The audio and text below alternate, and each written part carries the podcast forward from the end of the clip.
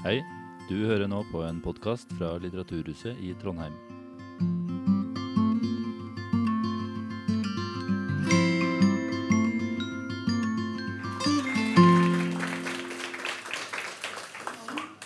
Ja, hører dere meg greit? Ja. Velkommen til Litteraturhuset og til denne samtalen om Andrew Tate.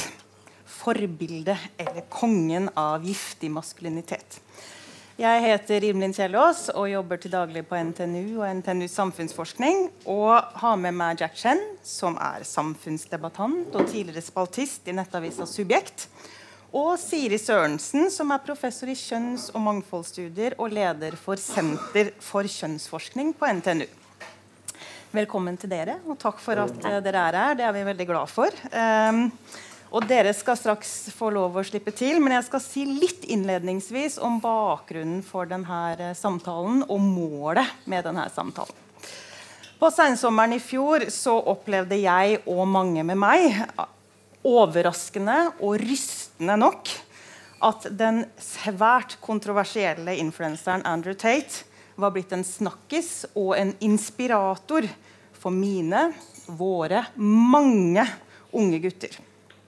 På foreldremøtet i september så kunne lærerne på 9. trinn fortelle at mange av gutta på trinnet de tok etter Tate både i form og innhold.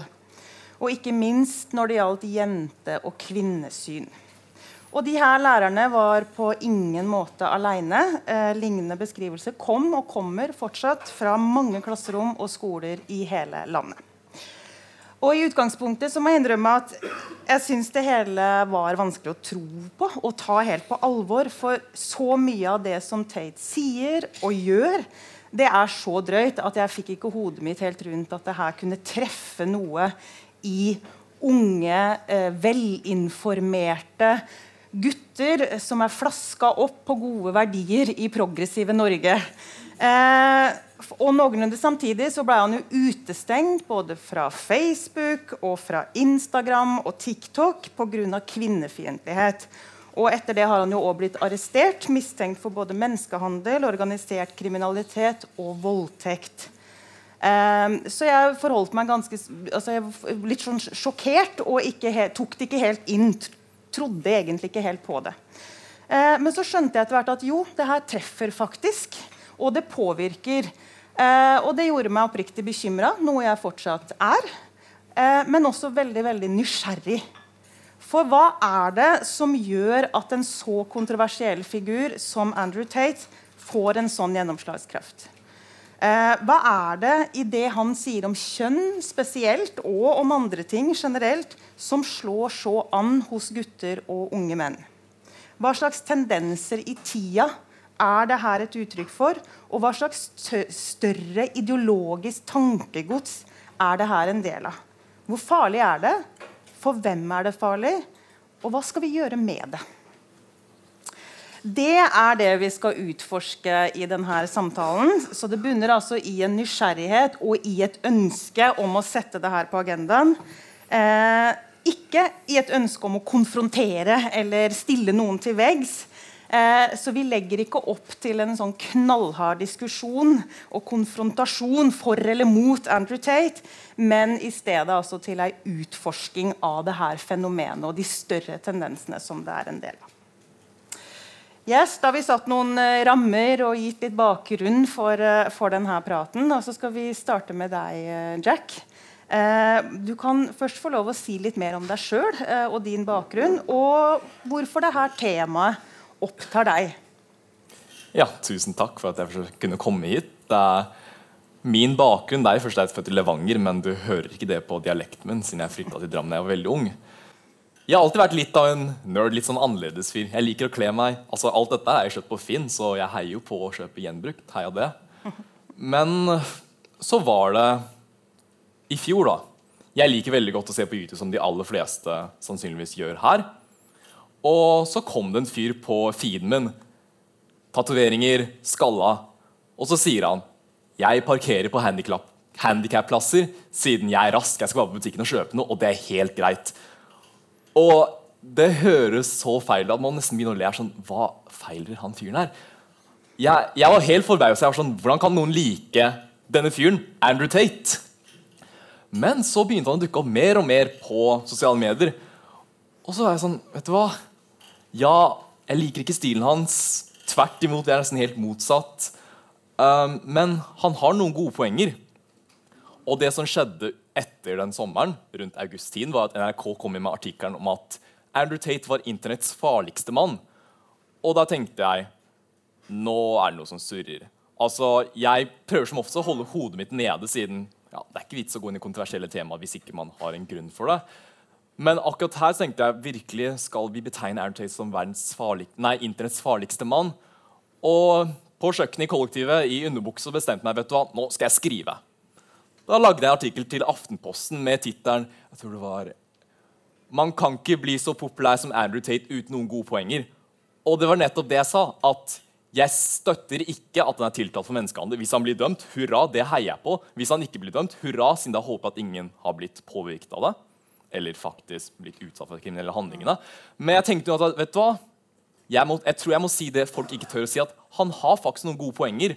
Og det er på en måte det jeg har stått ved hele tiden, at jeg forsvarer neppe kvinnesynet hans. Men at det er kanskje en grunn til at så mange blir tiltrukket av det Andrew Tate sier. og at jeg tror det som er det beste for oss som samfunn, er ikke det bare avfeie han litt som de private sosiale mediene nå har gjort, og bare kansellere fullstendig. Eller hva en kansellering er, da. Men jeg mener at nå er ideene her. Nå må vi jobbe med dem. Hvordan skal vi håndtere unge menn i å integrere dem inn til å bli gode samfunnsborgere når de har fått disse ideene? Og, så det er litt av det jeg har gjort med Andrew Tate. Og ja, det har fulgt meg et helt år nå. Det er faktisk ett år siden jeg skrev det. Og det er veldig spennende å se at folk stadig er interesserte. Mm. Yes. Takk for den, eh, den, introen til deg og din, eh, din, bakgrunn. Siri, kan du også eh, introdusere deg litt nærmere? Og så kan du få kommentere på det som Jack bringer ja. inn her. Um, ja, som Irmelin sa så vidt innledningsvis, er jeg kjønnsforsker. Um, og har uh, jobba med tematikker knytta til kjønn og likestilling i ja, snart 20 år siden jeg var student. Um, faktisk så var det sånn at uh, da jeg for 20 år siden jobba med masteroppgaven min, så var det også da var greia maskulinitetskrise. Jeg skrev med utgangspunkt i at det gikk en sånn debattserie i Dagbladet der, der det var liksom veldig sånn, uh, mye bekymring knytta til at nå var det vanskelig å være eh, mann fordi det stilte, ble stilt så høye krav. Eh, og, og denne debatten som fortsatt, har fortsatt over i denne tanken om at samfunnet er feminisert. Så, det, ja. så eh, min sånn interesse for tematikken som nå på en måte har kulminert i dette Tate-universet, har egentlig ligget og vaka litt siden, siden da. Um, og når du sier nå, Jack, at, liksom, at, han har noen gode poenger, så er det vel egentlig derfor jeg er her i dag. Fordi jeg skjønner ikke helt Jeg er nysgjerrig på hva som får uh, unge menn som deg til å se de her, hva er det som er de gode poengene han har å melde. Uh, og, og, jeg er nysgjerrig på hva du tenker om dette her kvinnehatet, som han også står for. Han kaller seg sjøl kongen av kvinnehat. Uh, han oppfordrer til å melde seg ut av samfunnet. Det er en masse som jeg syns er ordentlig skummelt med det budskapet han har å komme med. Samtidig så vet jeg jo jeg har jo fått med meg at det er, liksom, det er den hashtaggen som brukes mest på, på TikTok. Det er, altså, han har, han, gjennomslag. Um, og det tenker jeg at det for meg så er det liksom den, den derre viktige greia å prøve å forstå. Og egentlig med utgangspunkt i et sånt feministisk perspektiv på det. Mm. For det som skremmer meg mest, er akkurat den her antifeminismen, kvinnesynet, som, som uh, kommer med pakka på det der med å være eh, self-made og rich og alt det der. Eh, som jeg kan forstå at det er fengende. men ja. Så det er mitt utgangspunkt for å være her i dag. Mm. Takk, eh, Siri. Du bringer opp veldig mange av de poengene og trådene vi skal forfølge videre. Um, for det her er det jo som du sier, det er en hel pakke. Det er, hel, eh, det er et helt menneskesyn og det er et helt uh, ideologisk tankegods som fører med, eller som det her er en del av. Men hvis vi nå tar, griper fatt i det du sier om, uh, om maskulinitetskrise For det er jo det det spiller mye på. Eh, altså at eh, feminismen utgjør en trussel for, for, menn og for maskulinitet osv. Og, så og vi må ta maskuliniteten tilbake. Eh, det, er jo et, det, det, det, er jo det han liksom responderer på eller spiller på her. Eh, Jack, jeg vet, Vil du kommentere på det? Er det maskulinitet eller spørsmål? Ja, det her med maskulinitetskrise. da. Altså at, uh, at, menn får ikke være menn, for å si det veldig sleivete. Det er min opplevelse av sånn som maskulinitetskrise altså Jeg skal ikke komme her og late som at jeg ikke skrev innlegget til TV 2 'Maskulinitet er død'. Litt overdreven uh, tittel, men det var litt av poenget mitt at f.eks. Uh, kvinnedagen det blir jo veldig løfta frem. Det er en kjempebra ting at det gjøres. Takk og pris. Men det jeg opplever nå ofte, er at det er ikke så mange som løfter opp menn. Uh, vi tar som en selvfølge at menn gjør det de gjør, og at vi trenger ikke å løfte opp. Men jeg tror faktisk vi gjør det. At det har vært et stort savn etter å høre at ja, det er bra å være en god mann. Vi trenger gode menn her i samfunnet. Og hvis vi hopper til en annen figur, ikke at det er like, men Jordan Pearson han ble ofte kjent for å si at ja, vi trenger gode menn her i samfunnet. Ta Ukraina, hvor min forlovede kom fra. Mennene der dør jo for å holde friheten i Ukraina og at vi burde hylle sånt, og jeg føler at det er et savn for det. Og da kommer sånne rare figurer som Andrew Tate og tar den plassen og sier vet du hva, vi trenger menn. Og når ingen annen sier det, så henger folk seg på den pakka. Eller på den ideen, og så kommer Tate med flere pakkeløsninger. Det blir litt som en ideologi, nesten. Så igjen, Tate bringer en pakkeløsning. Jeg er ikke enig med store deler av pakken. Mange liker å si det om Andrew Tate at han diagnoserer ofte problemer bra. Det kan vi til og med diskutere. Men løsningene hans er ikke gode i det hele tatt. At, ja. ja. Så du mener han har, han har, identifisert, diagnostisert et problem som er reelt, og det, og det kan vi kalle maskulinitetskrise, da, for, eksempel, for å bruke et uh, sånt begrep? Eh, ja, ja, jeg tror vi kan det. Og da, Du har for statistikk med at unge eller gutter gjør det verre på skolen. Flere menn tar selvmord. Mm. Og at de fleste som er på sosial, eh, sosialstøtte, er enslige menn. Mm. Og at hva skal vi gjøre med det? Ikke det at flere kvinner burde bli eh, uføre, men at det er noe som skjer med den ujevnheten. At jeg tror vi må begynne å løfte opp menn igjen. Mm. Siri? Ja, nei, men da tenker jeg, jeg tenker liksom helt annerledes enn det. Fordi For meg så henger den herre uh, Tate-universet det henger sammen med en form for utenforskap blant menn. For det er helt sant, som du sier, at du, hvis man ser sånn på statistikken, så er det du finner liksom flest menn på toppen i maktposisjoner, og så finner du flest menn eh, i utenforskap, i kriminalstatistikken, eh, selvmordsstatistikken osv. Så, videre. så det er mange vi har ganske altså, Ikke bare indikasjoner. Vi vet at det, er, uh, at det fins menn som er utafor, som, som, har det vanskelig. Og så er det som jeg syns er skummelt, og det som du egentlig beskriver, og som jeg ikke får helt sånn tak i når du da sier at du sånn ikke kjøper hele pakka, for det, jeg vil gjerne høre mer om det. Um, fordi at hvis man da finner fellesskap, hvis man finner tilhørighet, hos noen som forfekter en sånn fortolkningsramme i verden, der man kan få bekreftelse på at man er verdifull som mann. I kraft av å kunne undertrykke kvinner, i kraft av å, å kunne se ned på homofile, i kraft av å liksom dytte bort og ned uh, alle andre, så tenker jeg at det er en skikkelig skummel vei å gå. Så jeg lurer litt på hva du liksom tenker om det, og hvor du tenker at f.eks. ditt ansvar da, ville vært i, i, det å snakke med altså Når du diskuterer Tate med andre gutter som også ser opp til kanskje akkurat den biten som handler om å være eh, sånn som jeg har forstått når jeg har lest ting du har skrevet, sånn, eh, en vellykka forretningsmann. Made it, liksom. Er det bare det du ser opp til? Hvor, hvorfor eller er det eller jeg, jeg, er nysgjerrig liksom, på å forstå hvordan det går an å si at man liksom Ja, funker det sånn i praksis? Når du hører på Tate snakke og sitter liksom Ja, hva sitter du igjen med av eh, blikk på verden etterpå? Jeg tror det jeg, sitt, eller det jeg satt igjen med, jeg tror det veldig mange menn satt igjen med, var jo ja, veldig kleint å si, den motivasjonen om å bli bedre. Og at jeg, jeg er litt uenig med det at uh, man skal få makt gjennom å undertrykke homofile og kvinner. at Hvis vi går tilbake til hvorfor, ja, hvorfor liker folk egentlig Andrew Tate? Uh, la, oss gå, la oss se på datingmarkedet. Tinder. Hvem her har vært på Tinder før? Én. En, en, noen. OK, interessant crowd. Men uh, det, det er sånn at For en typisk mann så suger Tinder. Um, det har vært stat statistikk at kvinner uh, rater 80% av menn under gjennomsnitt. Og at veldig mange menn er sånn Vet du hva, jeg føler meg, jeg har en god jobb, jeg er relativt attraktiv, men jeg får fortsatt ingenting på Tinder. Hva er det som skjer? Og menn føler seg ensomme av den grunn at datingmarkedet la oss si, gjennom sånne apper har blitt så forskjøvet, og med sosiale medier. Og så kommer Taden at ja, hvorfor får du ikke damer? Spør deg selv, hvorfor får du egentlig ikke damer? Er det fordi du ikke er snill nok? Nei, det er kanskje fordi du mangler noen ting. Og det er der den brutale liten beskjeden til Erntøy kommer. at ja, hvorfor skal folk Selvfølgelig, alle trenger grunnleggende respekt. Alle har menneskerettigheter.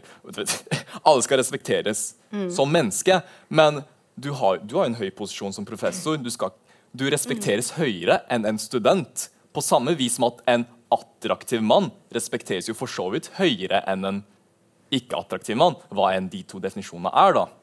Og at Andrew Tate sier ja, vil du få deg dette, da må du reverse engineer og gå tilbake til dette. vet du hva? Da må du oppnå noen visse krav. La oss si bli disiplinert, ikke bli usedvanlig rik. Det, noen kan jo tolke det på den måten, men at bare få noe godt og kle deg. Altså, Man trenger ikke å kjøpe dyreklær på Folsa. Jeg kjøper jo brukt hele tida. Nesten alt jeg har, er brukt. Og det likes ganske godt for meg. Og så det er det jeg tror de fleste unge menn får fra Tate. Men så har du disse gruvene da, med at ja, kvinner er ditt og datt. Og dette med at man skal behandle eh, Hva var den der love uh, Hvordan manipulerte kvinner for å få dem til å drive med webcam-bidsen. Jeg står ikke for det i det hele tatt. Og det er det jeg opplever med de aller fleste. Men at de er sånn Vet du hva, jeg liker det mot de motiverende ved Andrew Tate. Men det grom som går litt lenger, det er sånn Enten så sier du at det er kødd, siden det er sånn, de vet ikke hva de skal si om det, eller så er det sånn Nei, det står jeg ikke for. Men, men er det mulig å, å, skille på den måten? Uh, altså, ok, La oss si at han, har en sånn, er en, han er et forbilde når det gjelder motivasjon. Da. Å være disiplinert og jobbe hardt og bli den beste utgaven av deg sjøl. Men kan, kan, man isolere den fra resten av denne pakka? Uh, og for de som får Andrew Tate inn i feeden sin da, på TikTok, så kommer vel hele pakka det, det, er ikke bare disse eh, motivasjonsvideoene, eh, men, men, det er også det som går på kvinner og, og Ja, ja. Mm. For eksempel, den ene tingen jeg står, som jeg ikke likte ved Andrew Tate, og broren hans for så vidt, er jo den ene ideen om at en mann kan ha flere kvinner. Polyamor, eh, polyamorøs og mm. polygami. Mm. At det står ikke jeg helt for. Og at uh, det er risiko ved mm. at vi kun lar unge folk se på Andrew Tate. Og jeg sa aldri at alle Andrew Tate sine poenger er gode, men at noen av dem er. Og at hva skal vi gjøre da med at de får denne pakkeløsningen tilsendt via TikTok mm. rett inne i skjermen mm. deres hele tiden? Jeg er også bekymra for det. Men det jeg har sagt er at vi må faktisk diskutere disse ideene. siden det som er skummelt, er at han klarer å overbevise folk om at ja, det er greit for menn å ha flere damer, siden det var sånn prehistorisk at konger hadde flere damer. Mm. Ja, ja, men sånn sosiolog så jeg tror jeg er enig om at det ikke vi har... Men, uh, ja. Det kan vi fastslå. Det er vi veldig enige om, alle sammen. Men, uh, men ja, jeg og ja, Siri, hva tenker ja, du om, om det, det Er det mulig å skille? Nei, jeg tenker at det er ikke det. Og det påvirker måten, måten vi liksom altså, Måten du kan forstå deg sjøl på, fortolke deg sjøl på, blir jo også påvirka av hva, hva, du får presentert da, som en sånn rollemodell. Og så er det jo for så vidt fint å høre at, at du tenk, har liksom et sånt kritisk utgangspunkt og kan velge bort noen av de her standpunktene. Uh, men allikevel så er det noe med, med den der veldig sånn uh, ensretta rollemodellen som han, som han, representerer. Og jeg tenker jo at Når du sier at vi må snakke om disse her et eller annet, Jeg får ikke helt tak i hva det er vi skal snakke om, men, men hvis vi tenker at det er en eller annen sånn, et uttrykk Hvis det at så mange unge menn følger Tate og ser opp til han kan tolkes som et eller annet sånn symptom på at man er på søken etter et eller annet, og så er det det man finner, så tenker jeg at, at det er liksom Det er det som er skummelt. Og det at det blir så veldig forsterka og så veldig sånn bare én figur. Eh, og det som vi snakka om i stad, at det er ikke nytt, den her bekymringa for mannens identitet og kjønnsroller er alltid i endring. Eh, alltid under forhandling. Um, og på begynnelsen av 2000-tallet så var det liksom tilløp til Det hadde kommet en del Det var før, før disse sosiale mediene så kom det en del sånn antologier. sånn Feministiske råtekst, Fittstim, en del sånn unge kvinner som publiserte og krevde på en måte å få plass og rom for å bli sett og hørt med, med alle sine erfaringer. Og så kom det én bok som et sånn tilsvar på det. Eh, en dansk bok i 2000 som 'Pikkstormerne' ble den kalt. Men den er egentlig kjempefin. Der er det eh, 20 eh, essays med unge menn har skrevet om sin Ik altså ikke et sånt antifeministisk eh, manifest, men litt sånn her Vi er her også, og det er vanskelig for oss òg, på en måte. Eh, og der får man liksom hele det her nyanserte bildet av hva det er man trøbler med. Og de skriver også om dating, om kjærester, om å liksom forholde seg til fedre som forbilder og forventninger og alt, alt det innebærer da, å finne identitet, også en, en kjønna identitet. Eh, og det taper vi. Sant? det mister vi fullstendig når alt går i liksom sånn eh, og, og, det tenker jeg jo at sånn oppegående, reflekterte men gjerne kunne ha bidratt med å nyansere litt da, istedenfor å bare liksom løpe i flokk etter Tate. fordi at vi trenger å åpne opp mer samtale enn å drive og lukke det til et sånt uh, ja, for det, det, det, slår meg jo som et paradoks her at hvis man på den ene sida tenker at, uh, at, maskuliniteten blir innsnevra og det er lite rom, så erstatter man det med en ekstrem snever form for maskulinitet og mannsideal. Den Andrew Tate forfekter, da. Som jo er en Den, den er, jo, er jo, Ja, den er veldig snever, da. Uh, har du noen refleksjoner rundt det? Eh, jeg er ikke uenig i det. Og jeg skrev når jeg var spaltist i Subjekt, om nettopp det at Andrew Tate er ikke det beste forbildet. Han kan være forbilde på lik linje med Sophie Elise. Ikke at jeg sammenligner de to, selv om jeg gjorde det i den artikkelen. men at jeg opplever sånn Andrew Tate litt som 14-åringene på 90-tallet, tror jeg, som var sånn punkere. Man, man, som foreldre, la oss si man har kristne foreldre, så plutselig ble barn som punkere. Sånn, Hva skjedde med barnet mitt nettopp? Ja, at, det er det opposisjonelle? Ja, at de går i opposisjon ja. til det som er normen på det tidspunktet. Og at min tanke rundt Tate som forbilde, har vært at høres veldig rart å si, men at jeg tror kanskje de må gå gjennom det før de kan modnes. Siden det jeg har sagt om Andrew Tate, at han er, godt, han er det optimale forbildet for de fleste 14-åringer. Ikke for en voksen, siden en voksen forstår at vet du hva, jeg skal ha et stabilt liv. Jeg skal ikke drive med et player-opplegg og manipulere mennesker osv. Men at de får motivasjonelle ideer mm. gjennom Tate, men så må vi som voksne si ja, kanskje du kan tilspisse med at vet du hva, du kan være motivert til å gjøre godt for verden, ikke det å skaffe så mange damer som mulig. At vi må spisse på det som allerede finnes der. Men ja, og det, den si, Hypotesen om at det her handler om å være opposisjonell eller kontrær, den er det jo flere som bringer inn i debatten. Uh, at det er, ja, som du, du nevner, punk, eller gangsterrapp eller hva det nå måtte være. Men er ikke det å ufarliggjøre det uh, og uskyldiggjøre det Ja, det er nå bare sånn at ungdommen skal gjøre litt opprør. Uh, vil ikke denne typen tankegods, holdninger, verdier sette seg? Um, ja. Um, at unge menn blir farlige av å høre på Andrew Tate. Mm. på Det jeg mener om det, er at jeg tror de farligste unge mennene ute er de vi kaller for incels. Mm. Involuntary celibates, eller de som leser ikke får seg et ligg.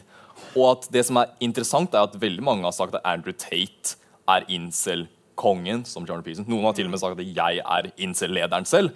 Men at alle vil stå imot dette fenomenet, siden hva er det incels gjør? De skyter opp skoler, de er sure på verden, mm. og det er de til og med Ernst prøver å stå imot, og jeg prøver å stå imot. At det er de vi skal være bekymret over. Ikke at disse ideene skal la seg gå fritt, det er de vi må spare mot. men at det, her, det, er ikke frikobla fra Andrew Tate, det her fenomenet med incels.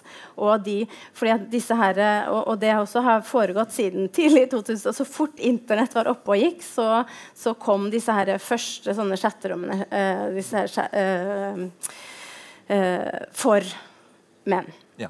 Uh, eller egentlig, faktisk. vet du hva Incel ble oppretta som aller aller først? Det var en skeiv kvinne som oppretta en støttegruppe uh, for de som ikke fant seg partner. Og så ble det kuppa av andre, og bevegelsen ble delt i to. Og så er det de som sitter igjen nå, det er da den her gjengen på, på Internett. Og så fort man, man, har prøvd å legge ned forumer og Reddit, og så dukker det på andre steder. Eh, og, og jeg leste akkurat en sånn andre forskerkollegaer som har gått gjennom forskningslitteraturen om disse her incelsene, og de kommer jo til disse her forumene via bl.a. Uh, å følge Tate. Og Mm. Altså via lenkene videre. Uh, og, og, det blir sånne rom der man dyrker særlig en sånn type kvinneforakt som, som, jeg tenker at er kjempefarlig, og som vi ikke kan kalle bare et sånt tenåringsopprør. Jeg tenker at det er ganske eh, Vi kan ikke bare føyse det bort som det. Da, da må man i så fall ta, sånn, ta ansvar og utfordre det der, der det, der det oppstår. Hvis du mener at du ikke står for det, Sier du imot det, f.eks.? Enn når det gjelder Ernst? Nei, Hvis du er i et kommentarfelt under en YouTube-video, mm. går du inn der og sier 'Hei, gutta, stopp. Sånn kan vi ikke snakke om damer'? Da ville jeg ikke kunne vært her siden det tar altfor mye tid.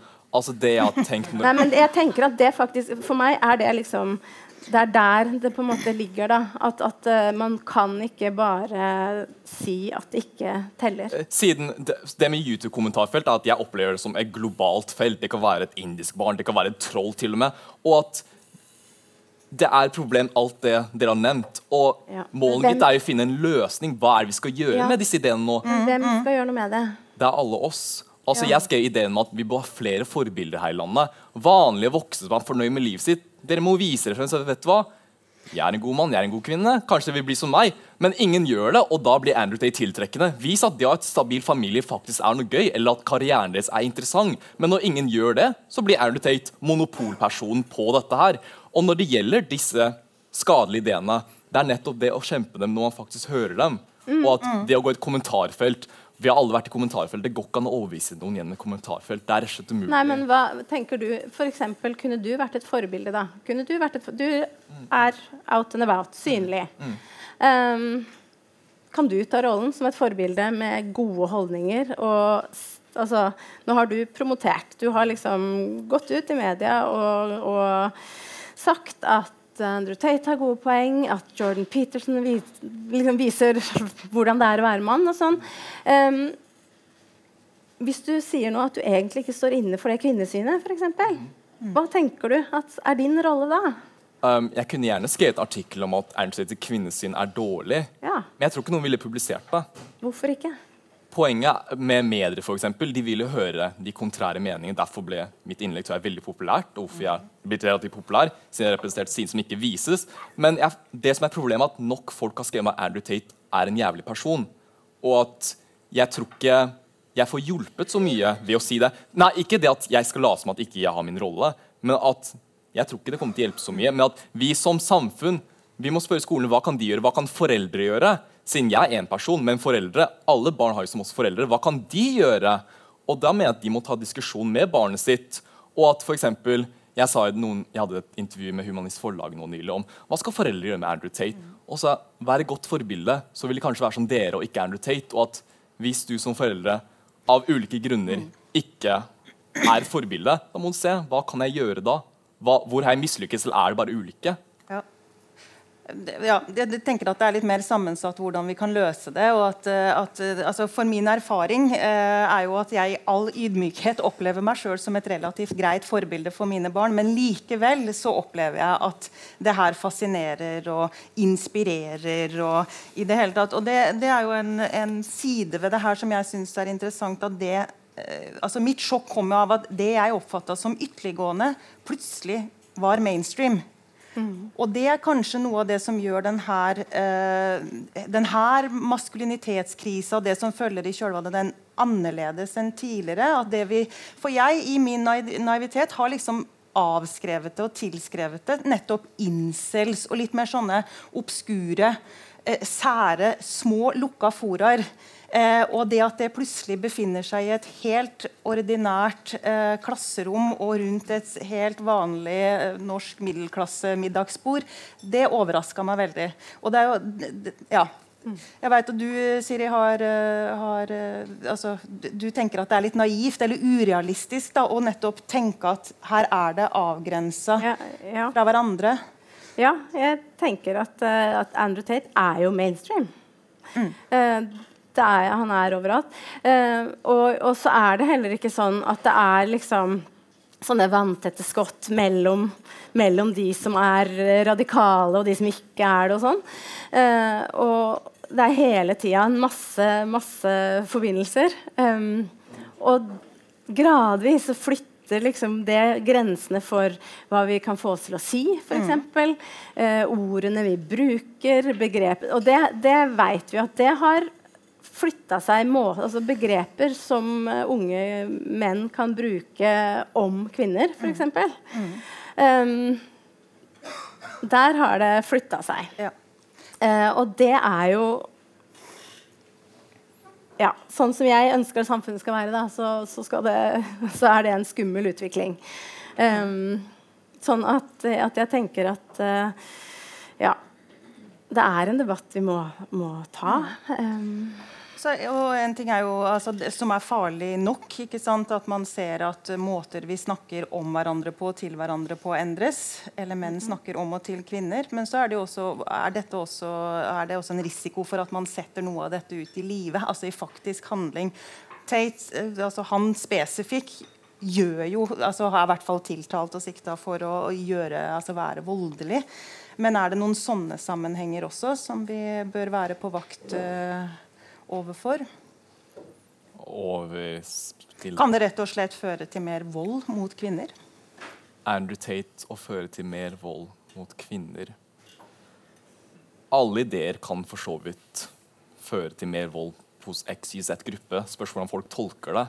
Og det er det som er store bekymringer. Og for eksempel, noen vil jo si at jeg burde ikke si noe, siden mine ideer kan tolkes på negativt vis. Hei, en ung gutt driver og støtter Andrew Tate. Og nå, kan, nå vil de yngre gutta tenke nå kan jeg gjøre alt, støtte alt Tate sier. Og at det er jo problemet i samfunnet vårt nå at alt kan jo brukes til ondt. Og det er vår oppgave da for, for, for, for å komme til konklusjonen min, det er det at vi har et markedsføringsproblem her. Vi har ikke markedsført det å være en god person nok til unge menn. Og at da har Andrew Tate kommet og sagt vet du hva, her er markedsføring for en bedre versjon å leve livet på. Siden når du er snill og hyggelig, så blir du ikke lønnet for det. Men markedsført, altså hvis vi tenker sosialisering, utdanning Hele det norske utdanningssystemet er fundert på prinsippet om likestilling og likeverd osv. Jeg tenker at vi har markedsført det. Um, for eksempel, jeg kommer fra en eh, familie med fire søsken, inkludert meg, hvor moren min var den eneste forelderen. Faren min var ikke del av bildet. Hun hadde ikke tid til å sosialisere oss. I barnehagen, når man allerede sliter litt med språk, så er det vanskelig, å integrere seg inn i samfunnet. Og se til Oslo, det er veldig mange som sliter med integrering der. Og at når de da når lærerne bare prøver å holde dem i sjakk på skolen og har ikke tid til å integrere seg inn i også det problemet at det er ikke nok lærere på skolen, hvem er det som da skal lære dem gode verdier? Er det medelever som så vidt klarer å stå for seg selv eller klarer å ytre seg siden de er ganske unge? Hvem skal faktisk lære dem? Og det er det jeg ønsker at vi må lære unge å være gode, siden jeg kan sitte her og snakke om Aaron Tate si det gode og vonde, siden jeg har lest nok og det. vet du hva? Mange av ideene til Aaron Tate er ikke gode, men noen av dem er. Men som dere har sagt tidligere også, det er mange som ikke forstår den nyanseringen. Og jeg er ikke overbevist om at skolen har, eller samfunnet har gjort en god nok jobb med å vise dette, siden hva skal man si til situasjonen min? Det er anekdotalt, selvfølgelig, men jeg tror det er veldig mange andre ute der også som opplever at ja, foreldrene hadde rett og slett ikke tid til å kunne oppdra dem. Siri, hva tenker du om eh, markedsføring, sosialisering, utdanning? Ja, jeg klarer liksom ikke helt å henge på resonnementet her, må jeg bare innrømme. Uh, uh, ja. Jeg klarer ikke markedsføre et godt menneske som altså, Vi har noen sånne grunnleggende verdier i, i samfunnet. Uh, og jeg tenker at hvis man skulle altså, um, Andrew Tate står for en helt ekstrem individualisme. Og han står for et menneskesyn der det er helt ok å bruke vold og utnytte andre for å oppnå det man liksom har i sin egen interesse. Um,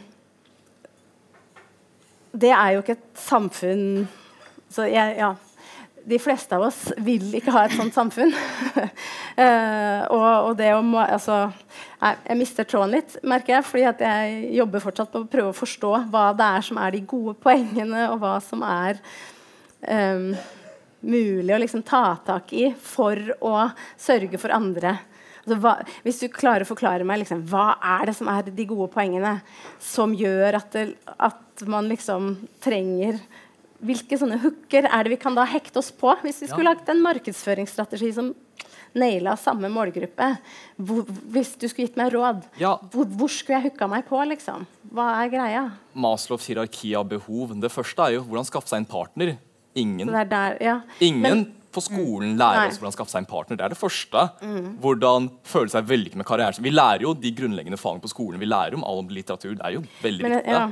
Men vi får aldri undervisning i det praktiske. Hvordan få en karriere du faktisk ønsker. Hvordan få en partner du ønsker. Hvordan faktisk ha litt selvrespekt for deg selv. Siden jeg lærte aldri å hvordan lære å være kontroversiell og komme og sette deg på en stol og prate blant voksne. Ingen lærte meg det. Det måtte jeg lære for meg selv. Hvorfor lærer vi ikke unge å gjøre dette?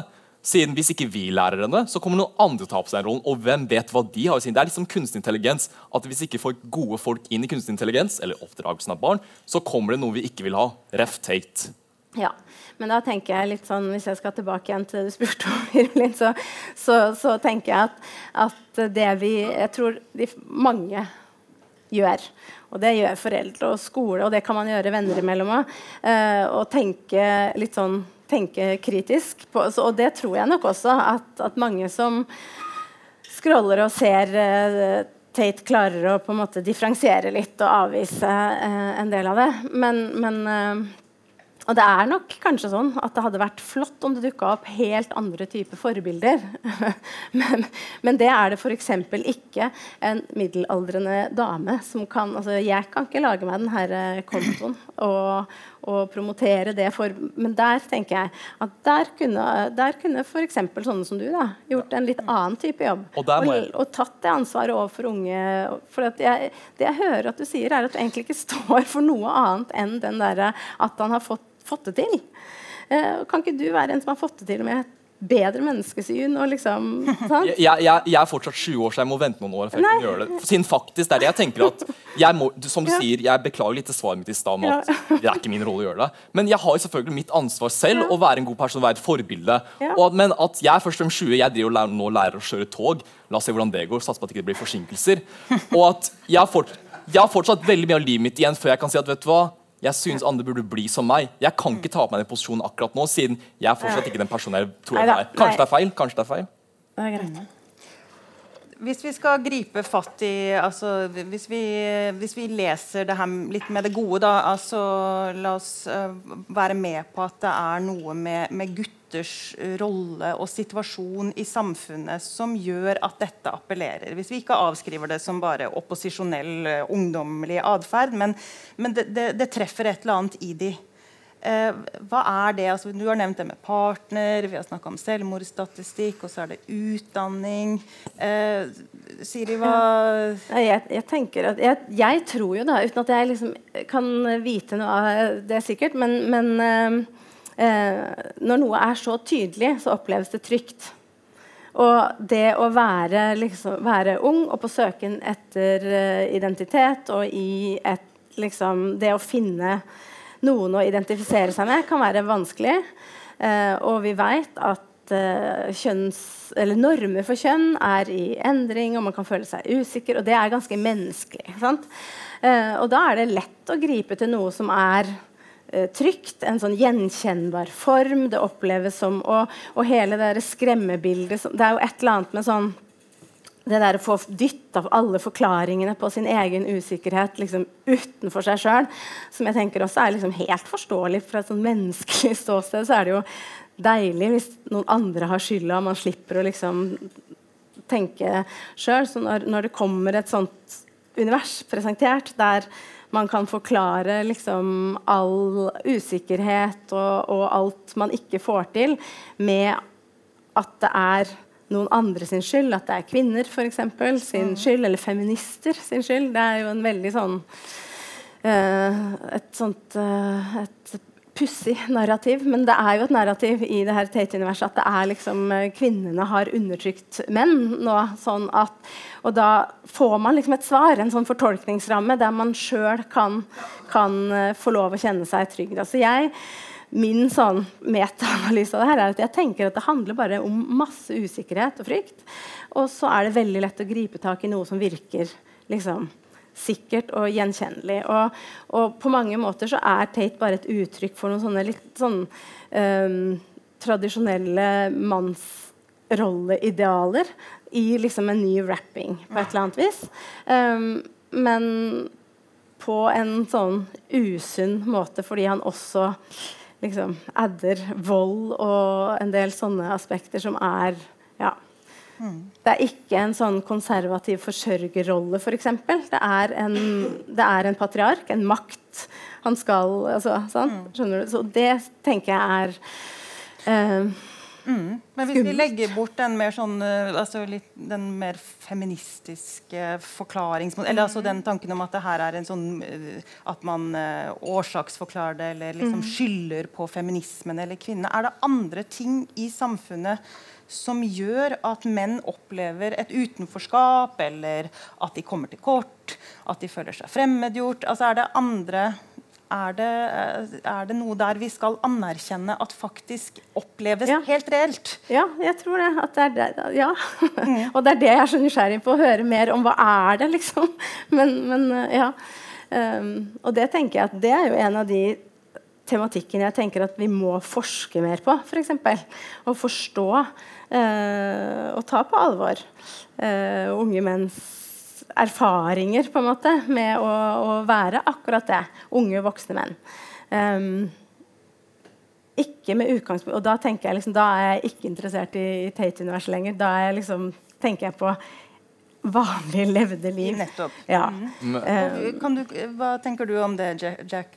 Hvis vi liksom trer litt ut av akkurat den her spesifikke figuren Andrew Tate, hva er det, uh, hva er det menn veldig generalisert føler på, og som gjør at det her treffer? Jeg, jeg tror det er kanskje litt det vi opplevde at jeg tror vi snakka forbi hverandre. Jeg sa i stad at Andrew Tate sier at det er ikke deg din for at ikke du respekteres, det er jo du som må bli bedre. Han sa aldri at det er andre kvinner sin feil.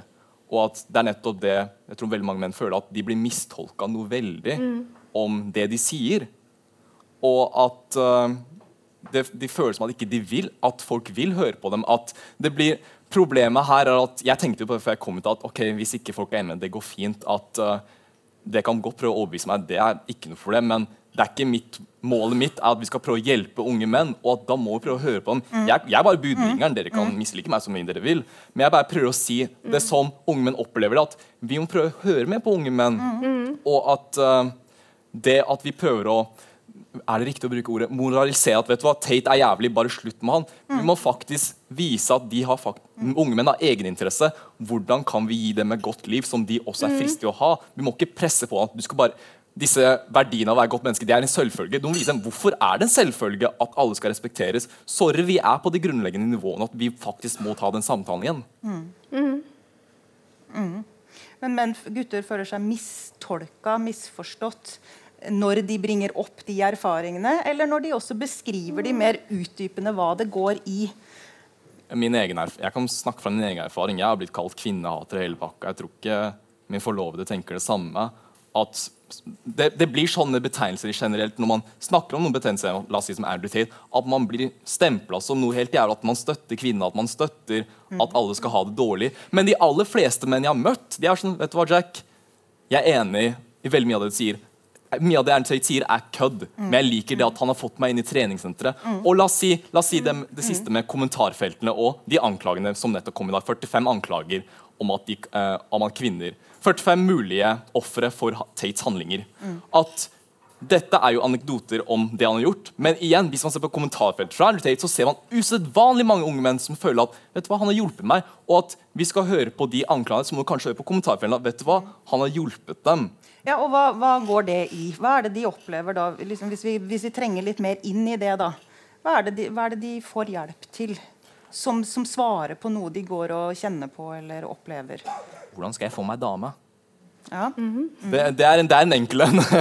Eh, det andre er hvordan bli respektert. At jeg er jo 1,73 høy. Det er, ikke, det er ikke noe fysisk makt jeg kan bringe i dette rommet. Men bli kunnskapsrik og les bøker. Du, vi hadde det med barn at ikke de leser bøker. egentlig. Motivere dem til å bli mektig i språk og ja, i språk og fys fysikalitet. Og plutselig, og disiplin. Og plutselig så er det det å si Bruk det til noe godt. Vend det mot noe godt. Og da kan du faktisk føle noe selvrespekt. Og det er det veldig mange har begynt å føle. Selvrespekt. At de gjør det bedre i livet. Så hva kan jeg si til det? Siri, hva tenker du? Ja. Nei, det er jo Det jeg hører, er vel egentlig at, at uh, man finner svar på noe man er usikker på. Og enten det er 'få meg dame' eller uh, som jeg tenker er helt sånn uh, grunnleggende strev for alle, stort sett, i ungdomstida. da, Å finne ut av ting. Også voksne, for så vidt. Også voksne, ja. Men så lurer jeg på om liksom den derre For det er jo helt tydelig at det har da en appell, det derre enkle svaret at Oi, unnskyld meg. Um,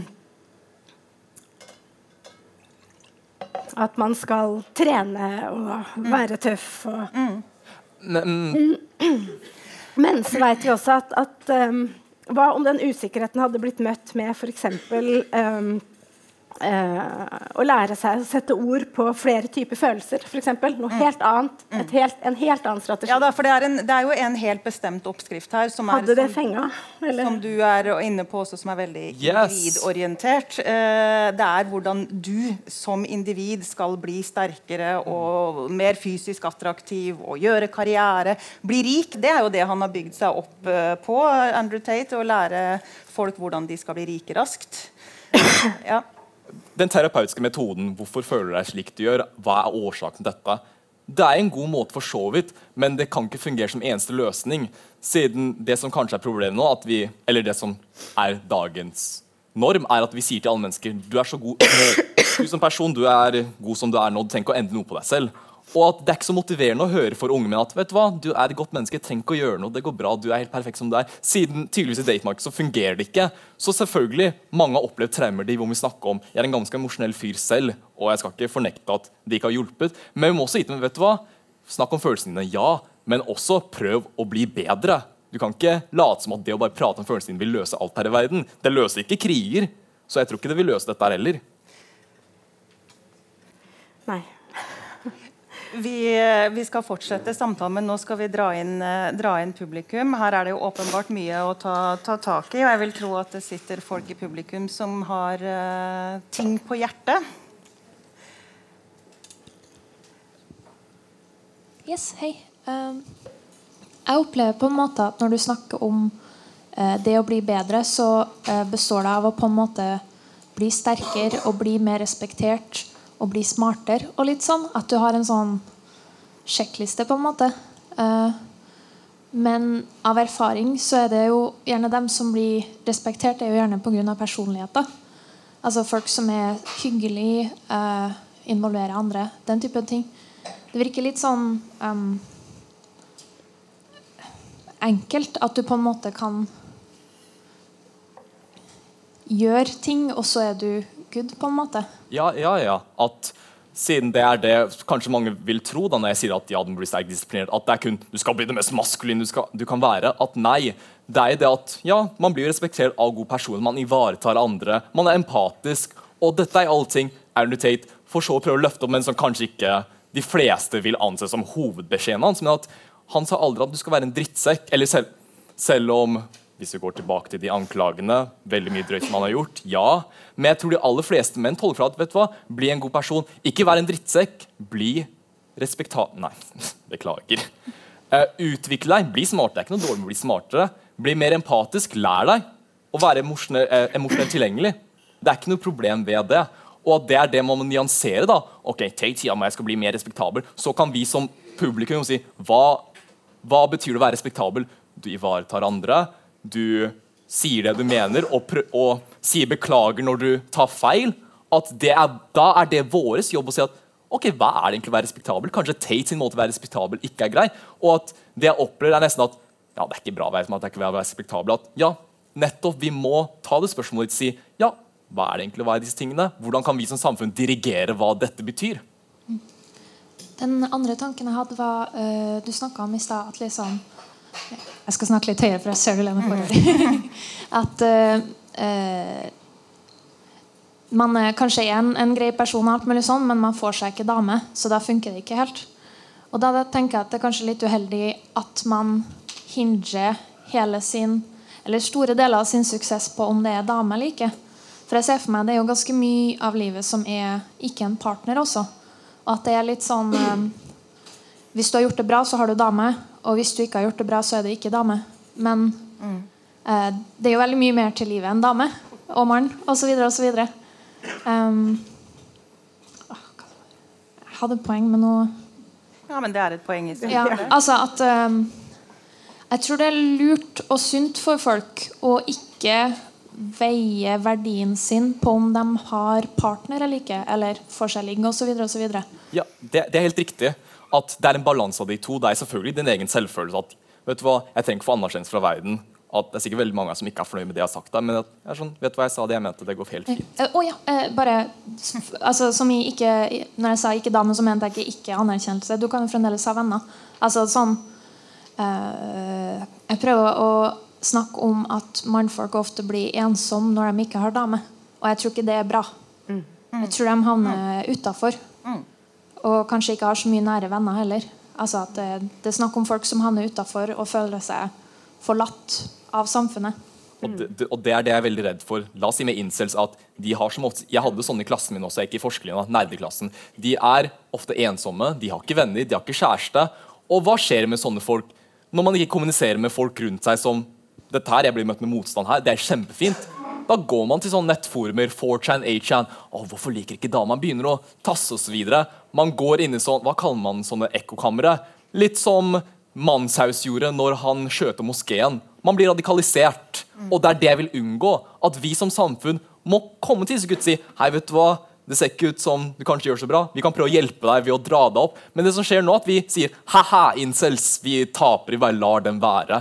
Og at da går det sånne ekstreme forumer og tar de ekstreme ideene fra skulle si Trump, men Tate. Og at Ja, helt enig med deg. Okay. Tusen takk. Jeg sender mikken videre. Gjør det. Siri, har du lyst til å tilføye noe?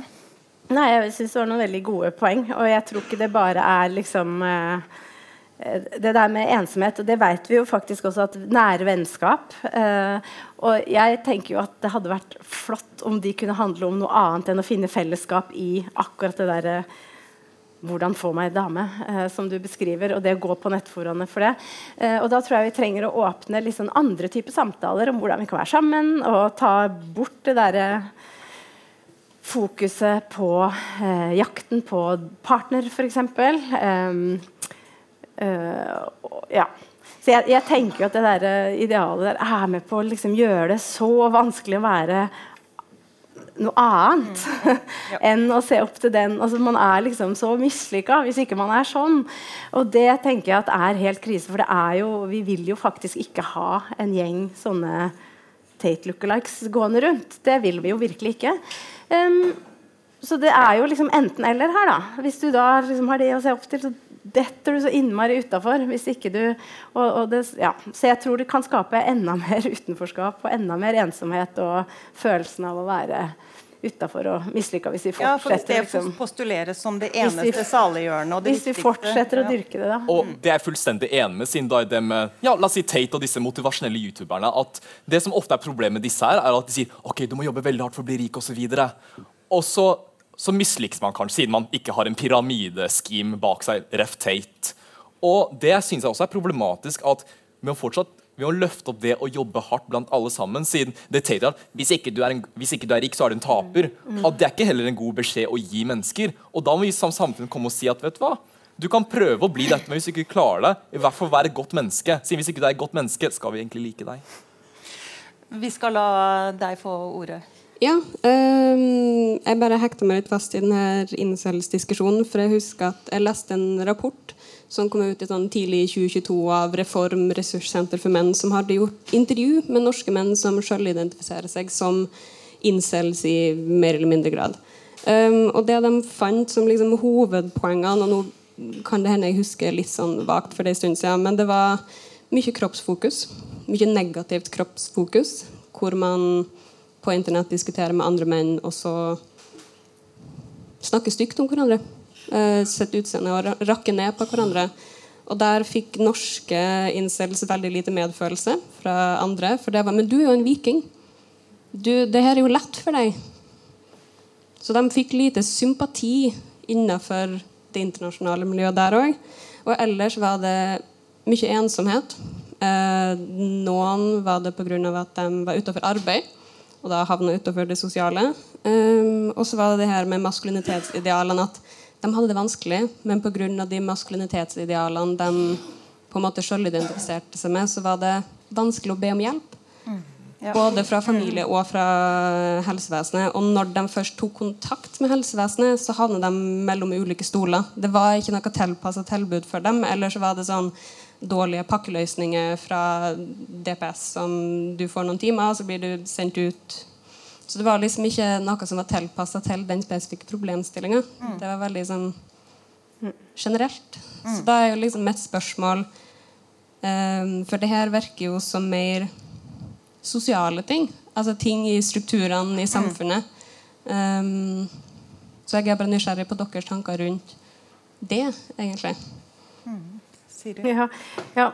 Nei, ja, jeg tenker som deg at det er, eh, det er noen sosiale greier som foregår i samfunnet som vi er nødt til å ta på alvor og, og forstå mer av. Og det jobbes det jo også iherdig for å, for å få opp eh, mer forskning for eksempel, på akkurat det. Hva er det som skal til for at man treffer? Er det noe som gjør at ikke den Hva er det som gjør at terskelen oppleves så høy i møte med f.eks. Eh, helsevesenet? Og hvordan kan man gjøre ting annerledes for at, at det skal oppleves som mulig og greit å eh, ta kontakt, og for at det skal oppleves som relevant? Så der, jeg, der tenker jeg at altså vi ser helt åpenbare symptomer på at, at noe må gjøres. Eh, så er det bare det at jeg tror virkelig ikke løsninga er å liksom snevre inn og bygge enda mer opp under et veldig sånn type mannsideal som handler om En ting er det der med å ha Liksom, å være hetero og ha en kvinne, uh, og være, ha en partner, liksom, uh, og være rik, og om det så er altså, veldig sånn Vi må tvert imot åpne opp for veldig mange flere måter å liksom være vellykka mann på. Da. Det er fordi Ja. Det er sånn samfunnet er og bør være, på et vis. Um, ja. Jeg er for så vidt helt enig at uh, jeg sier det igjen og kommer til å si det 100 ganger i fremtiden. Andrew Tate er ikke det beste forbildet. Ideal 14-åring, ja, men ikke det beste forbildet. Og at ja, vi må utvide det. Vi må utvide hva det er å være mann. Jeg er fullstendig enig i det. Men så er spørsmålet hvorfor har ikke det skjedd? Hva, jeg er 20 år, jeg, jeg fullførte videregående i fjor. Hva, hva, skjer med resten av det norske samfunnet? Hvorfor har ikke dette skjedd? Hva gjør bedriftene? Hva er det hva er det akademia gjør? Jeg vet ikke om det, det kan gjøres noe der, men hva er det som skjer? Mm. Men det er jo ikke bare at Andrew Tate ikke er det beste forbildet. Han er jo det verste forbildet mm. når det kommer til det du beskriver. For han er jo helt ja. eksplisitt. Han avviser jo eh, psykologiske diagnoser, f.eks. Han sier at klinisk depresjon eksisterer ikke. Ja, er... Og ber folk om å ta seg sammen og være sterke osv. Så, videre. så det er, jo, det er jo veldig kontraproduktivt mm. å se til eh, den sfæren der. Eh, hvis, man, eh, hvis, man, har det på den måten. Eh, så det er, jo, det er også veldig paradoksalt at man strever med den typen ting, og så ender man opp med forbilder som egentlig bare gjør problemet veldig mye større. Eh, ja. Du Der, ja. Uh, ja. Uh, så jeg tenkte først å bare si noe om det mm, Ja, Det har blitt snakket en del om på en måte dette med noen trening. da At gutter drar på, uh, på en måte Hva er vitsen med å dra på gymmen? Da, sånn, av min personlige erfaring, og som jeg har et inntrykk av at er hos flere, er at hvis du er usikker på egen kropp, eh, så kan det faktisk hende at det hjelper å dra på gymmen, løfte litt jern, og så faktisk få litt muskler. Og for noen så gir det faktisk et bedre selvbilde, som så gir videre ringvirkninger for um, generell mental helse. Da. Så det er faktisk mer enn bare større biceps som man kan få ut av det. Eh, og Ami, en annen ting er om dette med incels. Altså Mitt inntrykk er at det som er på en måte et av problemene med incels, er på en måte de eh, Av mitt inntrykk av det, er at det er, da er det en sånn ting om at alt dette er samfunnets feil, dette er kvinners eh, feil. Men det budskapet som da fra Jordan Peterson og Andrew Tate kommer med til menn, er at eh, nei. eh, dette er din, at, kommet, at det går så dårlig med deg, det er din egen feil. Eh, det er ingen andre som kommer til å hjelpe deg. Du må ta ansvar for ditt eget liv og fikse det selv. Og for mange menn, som Jack sier, så er det, tar du kommentarfeltene til Andrew Tate og Jordan Peterson, så er det mange menn som opplever dette som et befriende budskap. Og opplever dette som, veldig, som noe At på en måte Ja, men jeg kan jo bare fikse det selv. Og så går det, gjør det, og så får de det mye bedre. Eh, så det er jo ja, litt sånn perspektiv. Ja, så det er to konkrete poeng da, som du tenker er faktisk man kan ta med seg fra det Andrew Tate eh, og hans likemenn står for. Det Ja. med trening, fysisk eh, helse og for så vidt kropp. Og det med at du sjøl skal ta ansvar.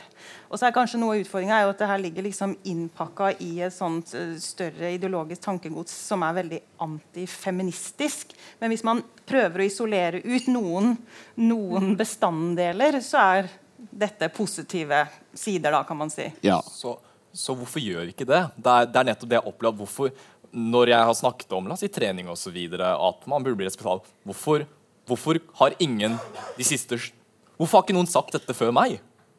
Eller jeg opplever at ingen i media kommer og sier at ja, du burde gå og trene. Er sånn, Selvfølgelig burde du trene, men ingen sier det. Det er ikke en selvfølge lenger. Jeg vet ikke om dere vet bedre enn meg. Sannsynligvis. Ja, jeg føler ikke at jeg liksom ikke får det budskapet inn, må jeg innrømme. Men, eh, men eh, ja, vi har et eh, spørsmål til her på sida. Ja, du, jeg lurer litt på, eh, for du snakker om at sånn, hvem er det som lærer meg, og hvordan jeg skal få dame, hvem er det som lærer meg, hvordan jeg skal få penger, hvem, hvem er det som er disse personene som gir deg kunnskap, eller det, det man selv føler seg vellykka med, da.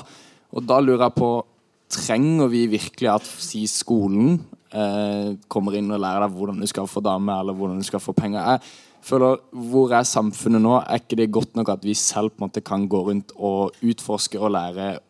Og liksom det å feile Er det en frykt for det å feile nå for tida? Jeg går på det nå. Jeg har tenkt veldig mye på det. Men trenger vi noen, altså en institusjon eller noen som lærer oss det, slik at vi ikke sklir ut i denne verden og i de, disse kanalene og sånne ting? Forstår du spørsmålet mitt?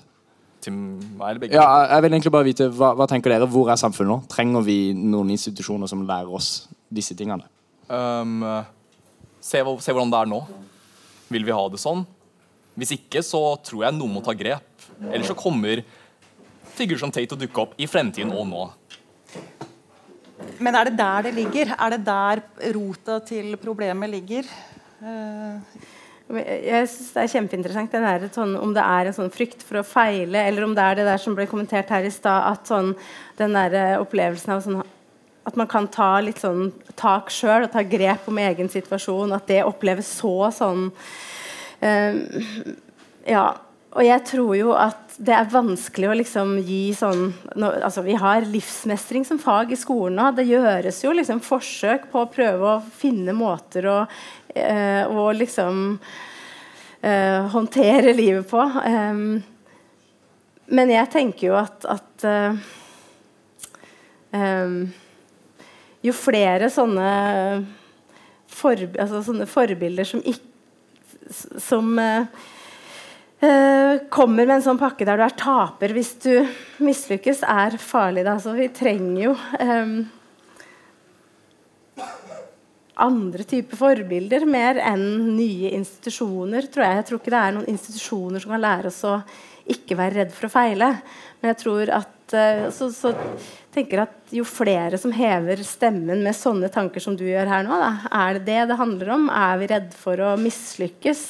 Gjøre feil og feile? Er det det som Det er, det er på en måte det kan man bidra med inn i den her eh, veven av sånn samfunnsdebatt. Eller for å syne, så er det noen som kjenner igjen kjenner seg igjen i den refleksjonen, og som skjønner at ikke de er aleine. jeg tror det er det som trengs. Andre typer stemmer om hva det vil si å være mann. Jeg vet ikke om det gir mening, men eh, ja.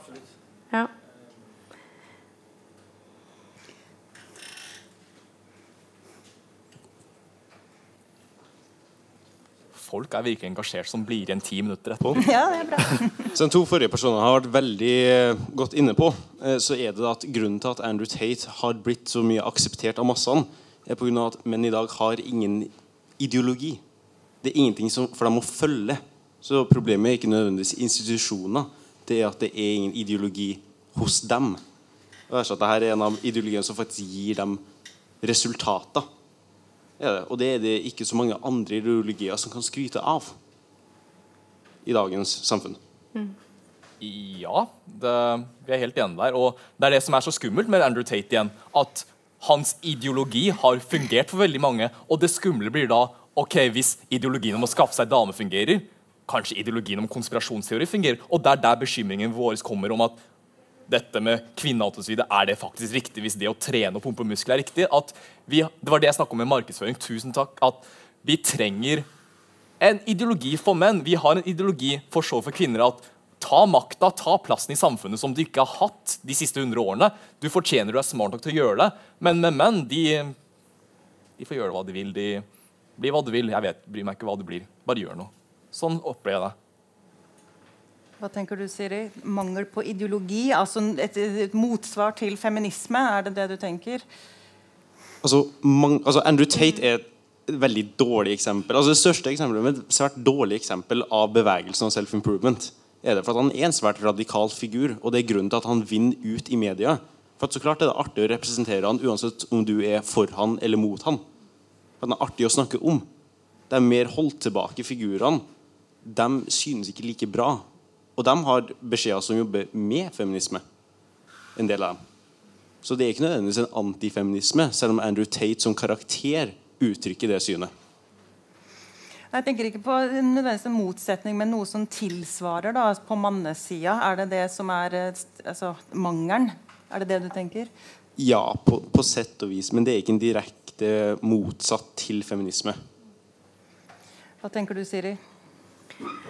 Ja, Jeg sitter og tenker på hva slags ideologi altså, Jeg blir interessert i akkurat det der at man har, no, har ingen ideologi når du sier det. At det er, det er svaret på et eller annet sånn eh, Ikke meninga med livet, men liksom noe å rette seg etter. Um, så, så tenker jeg at det er, liksom, det er interessant i seg sjøl. Og det er jo en, altså, en, en vel, og, he, og det er jo hele det her sånn selv, selvhjelps, selvrealiserings, individfokus. Og det gjelder jo ikke bare menn. Det fins det jo absolutt for, for kvinner. Det er en sånn type ja, uh, samfunnsideologi i det òg, da. Uh, som, som kan være ganske skummel. Men eh, ja.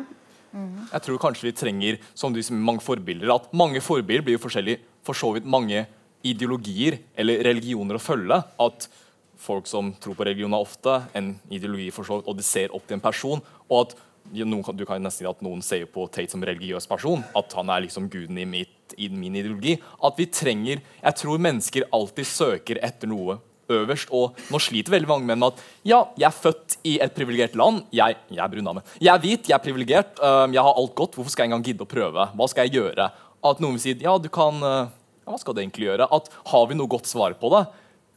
At det, det sliter med at da trenger vi at ulike mennesker, både kvinner og menn og alt imellom, sier at Sånn er livet mitt. Jeg tror det er spennende. Kanskje du er interessert i å prøve det? Ja, la meg komme og prøve det. Men den eneste fyren som vi har som flekser sitt, sin livsstil, er jo Andrew Tate. Og at Hvorfor gjør ikke alle Vi snakka jo inne bak der om mangel på sosiale medier. Men at jeg tror faktisk at voksne må begynne å ta i gang sosiale medier for å tiltrekke de unge og si at vet du hva, bli litt som meg. Det er litt arrogant å si, men hvis ikke vi er det, så kommer Andrew til å gjøre det. Ja.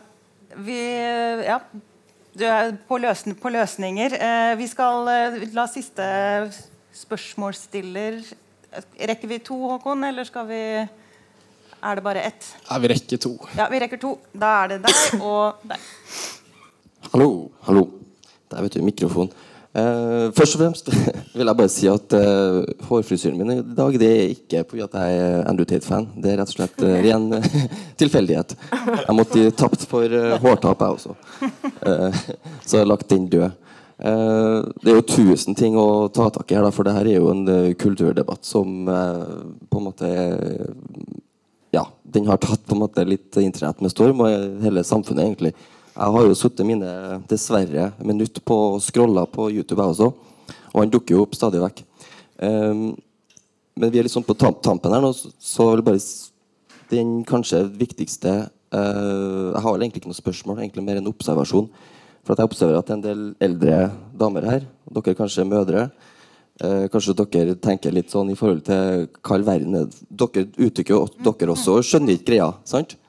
Dere, hva er, hva greia med nødvendighet? Og mye hvis jeg, skal, hvis jeg skal være litt sånn Hvis vi skal eh, Elefanten i rommet her, da, er jo at det er forskjell på mann og kvinne. Eh, og jeg tror at det har, vi har gått litt i den retningen at mm, damer, dere har litt vanskelig for å skjønne hvordan en, hvordan en, hvordan en mann er bygd opp. liksom. Biologien. Hva er det en mann hva, Når vi var liten, f.eks. Hvorfor, så, hvorfor er, vi, liker vi superhelter, f.eks.? Det, det, er det er noe som ligger der. ikke sant? Vi trenger noen, vi trenger noen forbilder. Vi trenger noen å se opp til. Sant? Fordi at når ting skjer, da, sånn som i Ukraina nå, da, så trenger vi jo Da trenger vi jo noen sånne folk. ikke sant? Men når det er så tykt og godt, sånn som i Norge, så blir jo mannen overflødig. Det er det som er, liksom, er litt kjernen i det, mener jeg. da. Du åpner opp en eh, svær ja, jeg diskusjon her nå. Som jeg, slutten, vi, ja. vi har ikke tid til å gå inn i den. eh, og så er jo ja, En liten kommentar er jo at menn, menn er vel mye forskjellig. eh, Absolutt. og ja. Men, ja. Mm, men ja. Det fins unntak, men regelen kanskje er litt Sin, jeg kan si litt om det Sorry, beklager. Kjapt, kjapt. Eh, at, ja, det med menn, menn er ikke én gruppe. At det er det med problemet med Andrew Tate når jeg snakker om unge menn. fortsatt. Mange unge menn sier at du representerer ikke meg, men poenget er at det er veldig mange unge menn som føler seg med Andrew Tate. Og at ja, det er ikke alle menn som er sånn, men at ja, da må vi se på den andelen og se hva er som feiler dem. Vi skal ta det siste spørsmålet. Vi har en, en tidsplan vi er nødt til å følge. Hei. Ja, altså du, du, du sier voksne damer til, til stede og som er mødre. Ja, med mange diskusjoner med, med mm, unge sønner. Eh, og det har vært interessant. Jeg syns det har vært interessant her. og jeg synes for jeg er jo veldig spørrende. Eh, nå åpner jeg det enda videre enn hva du gjør. da, i forhold det kjønnsspørsmålet, men det er nettopp det med du sier at det er manglende forbilder. Og jeg tenker, kikker meg rundt og tenker det er så mange gode norske og verdens mannlige forbilder i alle retninger. tenker jeg. Hva mer er det man må ha? Og er det sånn at, og da handler det ikke bare om menn igjen, men mer det her er at, vi, vi, at man må ha forbilder som må være så vellykket, som er mer vellykket enn alle andre. Altså At alle skal strebe etter å være Andrew Tate, og etter å være rik, og etter å være best og etter å være sterkest. Er det det vi snakker om når vi snakker om rolle, altså rollemodeller? For at rollemodeller på en vanlig, vellykket, god mann finnes overalt, tenker jeg da, både rundt oss og i media. Og, så jeg, jeg forstår ikke det her med hva mer er det man må, nødt, må ha. Um, eh, beklager kanskje analogien, men eh, hvorfor spiser folk fast food? Hvorfor spiser folk McDonald's, Burger King, når det er veldig mye god norsk, sunn mat ute der? Det er nettopp det at fastfood er mye mer tilgjengelig, det er mye mer appellerende, det smaker mye bedre på munnen. Og det er det 14-åringen tenker om Andrew Tate. Han smaker mye bedre på munnen enn det å gå på skolen i 13 år og få seg en jobb eh, så i kommunen. Det høres mye mer fristende ut, men problemet er at Andrew Tate Fast food leder deg til dårlige veier, og det er nettopp det Andrew Tate gjør. Jeg er fullstendig enig med at Andrew Tate leder deg Hvis du følger ham fullstendig ut, sikkert i fengsel. Men derfor må vi vise hvorfor er god norsk mat sunn. Nei, hvorfor er det mye bedre enn fast food? Og hvorfor er vanlige forbilder mye bedre enn influenseforbilder? Vi snakker veldig mye om Sofie Elise, at hun er ikke en god influenser. Og nettopp fordi kanskje det topplivet ikke er det beste for deg i utgangspunktet. Og det må vi faktisk gidde å ta opp, og ikke bare ta som en selvfølge. Siri, du skal få siste ordet. Ok, da, ja, da tror jeg jeg lar siste ordet være det jeg satt og tenkte på nå. At jeg egentlig eh, En del av grunnen til at jeg kom hit, som jeg sa innledningsvis, var jo at jeg var liksom hadde håpa å forstå litt mer. Og jeg vil egentlig bare takke litt for de kommentarene som har kommet fra publikum. fordi at jeg også, Og, og til Jack, selvfølgelig. men sånn, for Jeg sitter her nå med den der, hører hva dere sier med en sånn følelse av å være overflødig, eller det å kunne få liksom en sånn uh, følelse av å kunne ta styring sjøl. Uh, uh, og den her, også frykten for å liksom nei, Eller den her eh, bekymringa for at det blir en sånn frykt for å feile som, som Eller kanskje jeg misforsto deg der. Men ja. Nei, det var ikke det du mente. Nei, ok. Men iallfall um, ehm, Da kan vi snakke om det etterpå, for vi skal slutte nå. Men uh, ja.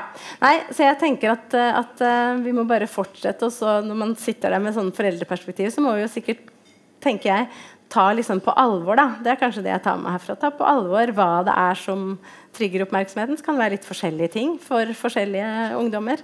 Um, mm, altså ta tak i det.